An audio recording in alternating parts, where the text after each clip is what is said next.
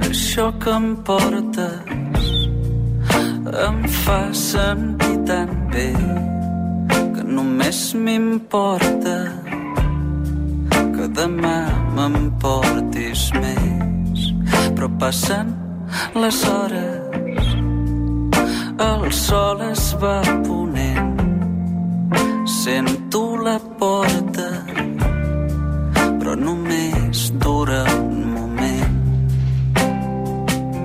serà un abisme on he caigut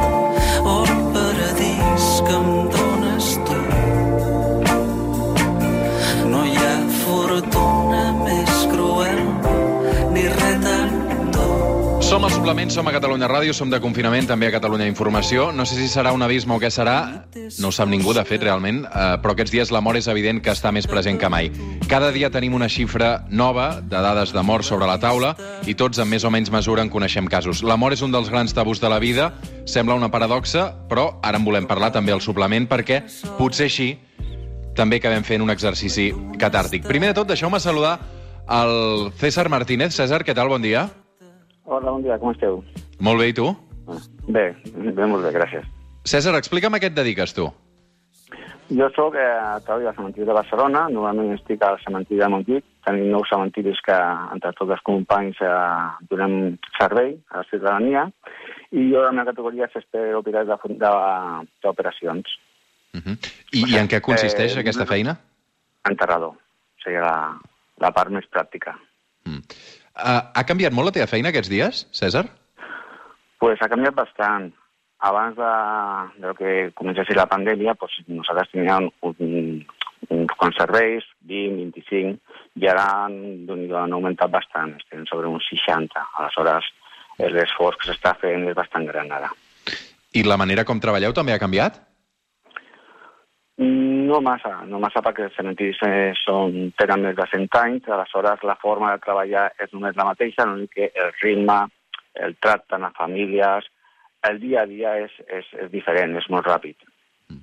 Clar, uh, és, uh, la situació um, és surrealista perquè no ens hi havíem trobat fins ara, no? Uh, la gent no pot enterrar els seus familiars com és habitual, però en canvi els enterraments sí que es continuen produint, no? Sí, és entrant, sí, sí. Uh, L'actitud de la gent, de les famílies, uh, ha canviat molt?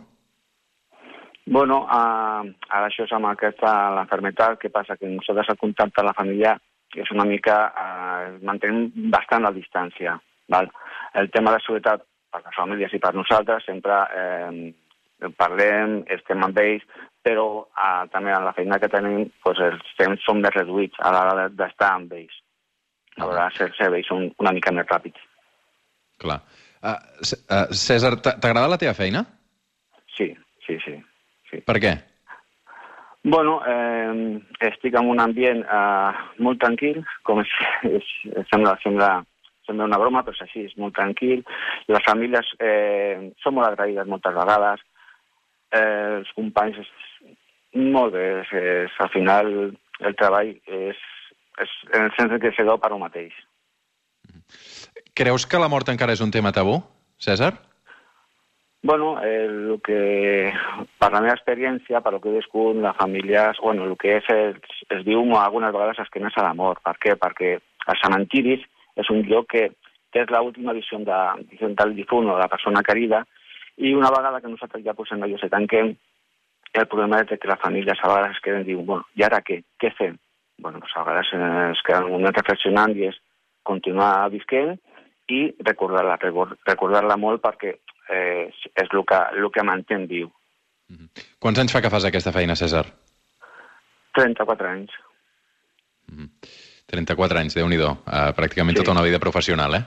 Sí, sí, sí. Escolta'm, uh, moltes gràcies per atendre'ns. Uh, César Martínez, um, aquests dies també uh, treballant de valent, evidentment, perquè el, el context ha canviat moltíssim. Uh, gràcies, una abraçada. Moltes gràcies, bon dia. Posem-hi música.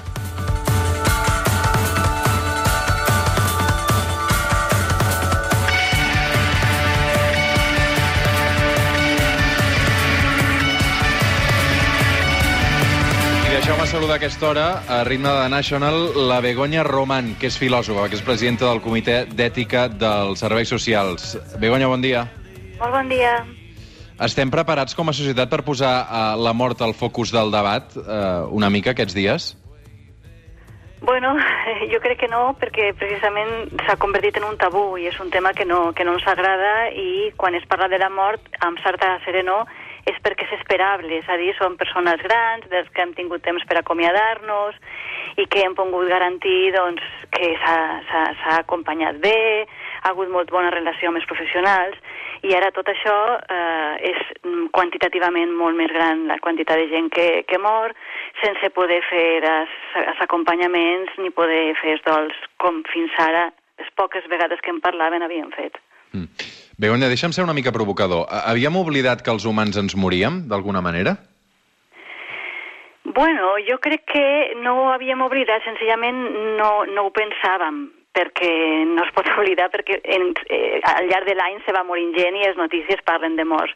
Però sí que és cert que hi havia molta eufòria en què fins als 90 anys ningú es moria si no era per una cosa... Que teníem massa eufòria amb la medicina i en les mm. capacitats tècniques de la humanitat i molta, molta propaganda del transhumanisme i la capacitat de la tècnica de vèncer la malaltia, l'envelliment, la mort.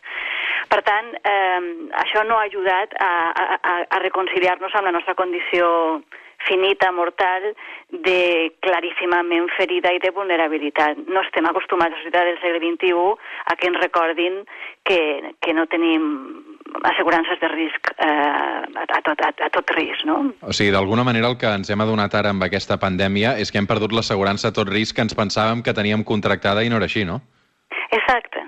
Exacte, és a dir, era una societat que bueno, també donava lloc a pensar això de que hem tingut molta estabilitat uns quants anys, eh, precisament aquesta generació parlàvem de que són els últims que la generació de gent molt gran que estaven, havien viscut una, una, un, unes, unes guerres, que nosaltres portem molt de temps amb una estabilitat i donant per suposat coses que no es poden donar per suposat. No només una estabilitat econòmica i de garanties de tot tipus, des de drets a sistemes sanitaris i socials, sinó també això que ja no tenim virus, ja no tenim malalties. Ja al segle XXI tot això ja està superat. Em sembla que precisament això és el que es posa de relleu la condició humana de fragilitat, que apareixeran noves inseguretats i noves fragilitats. Mm. Um, Begoña, tu dius que és bo que la mort ens agafi preparats. Això què vol dir exactament? pues pensats i organitzats.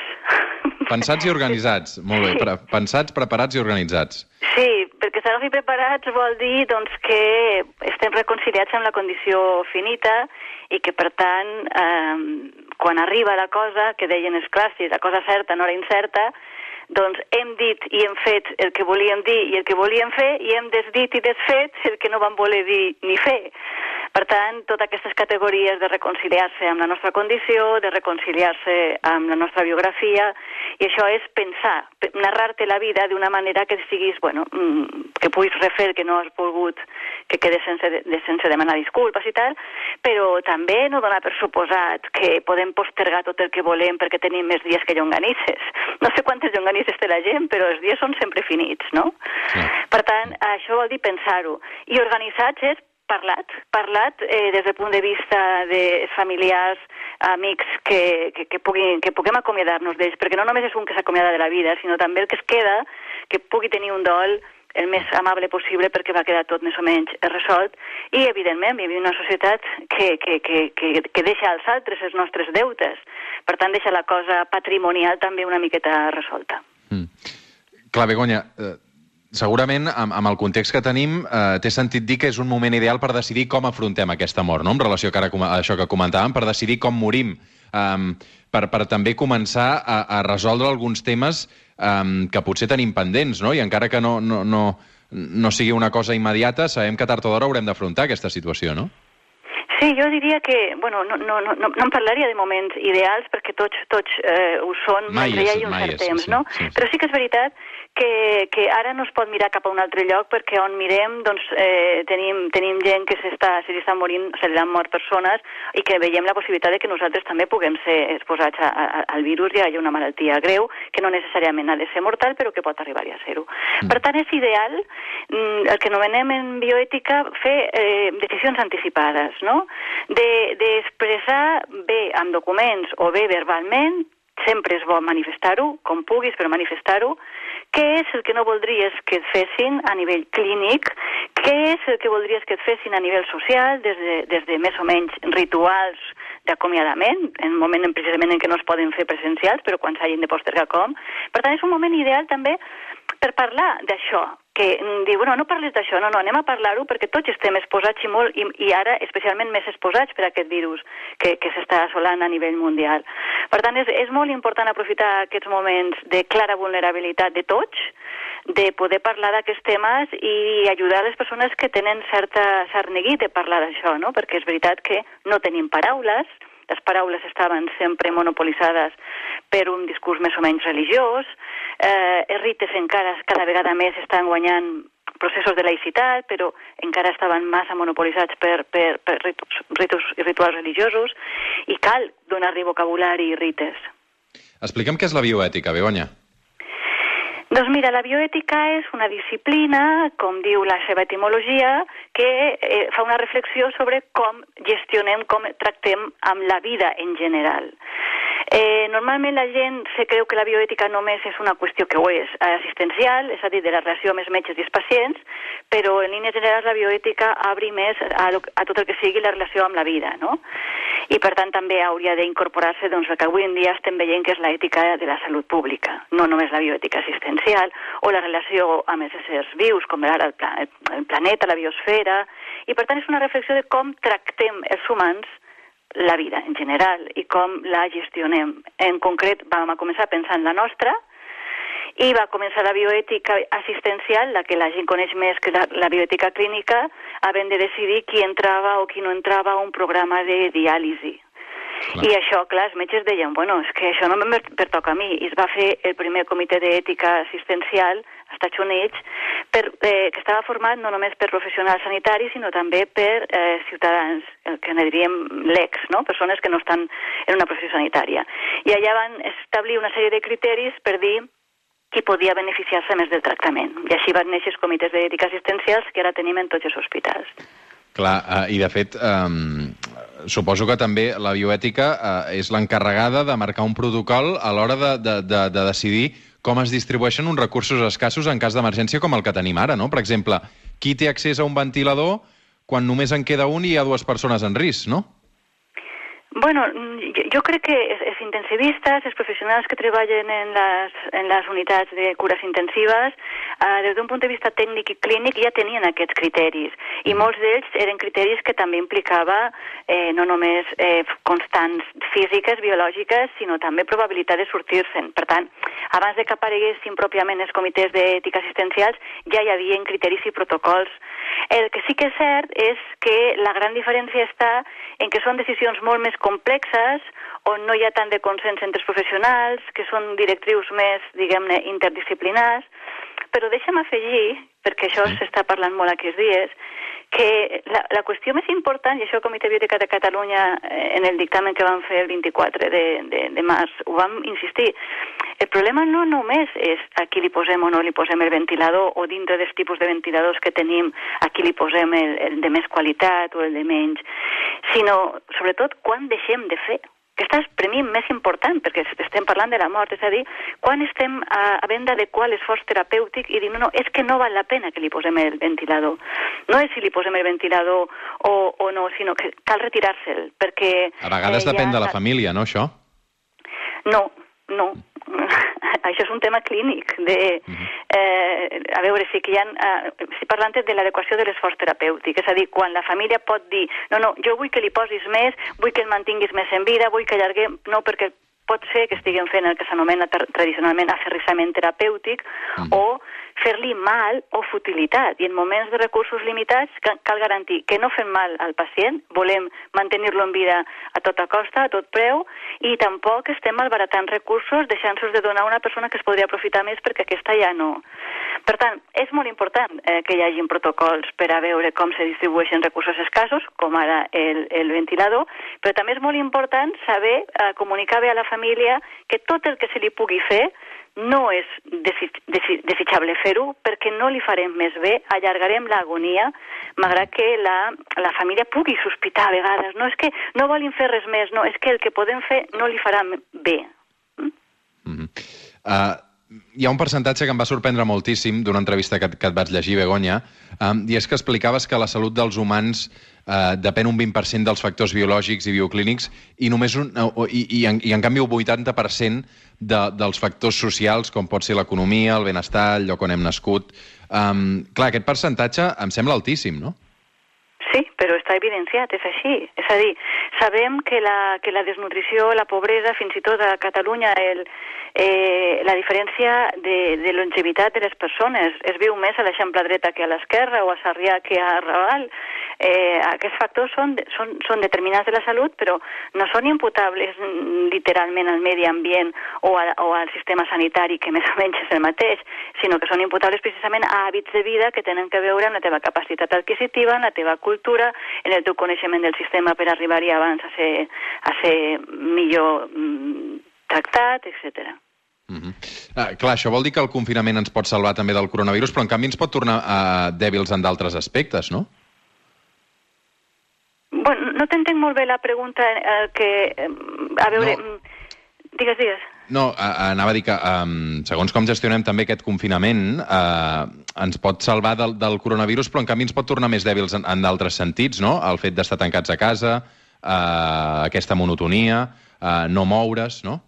Sí, clar, clar. Per això, aquí és molt, per exemple, aquí és molt important no només la, la, la salut comunitària i fer, i fer consells de que la gent es mantingui, eh, tingui cura, no? De, de, doncs això de, ho estan dient tota l'estona els equips sanitaris i més de l'àmbit de la psicologia.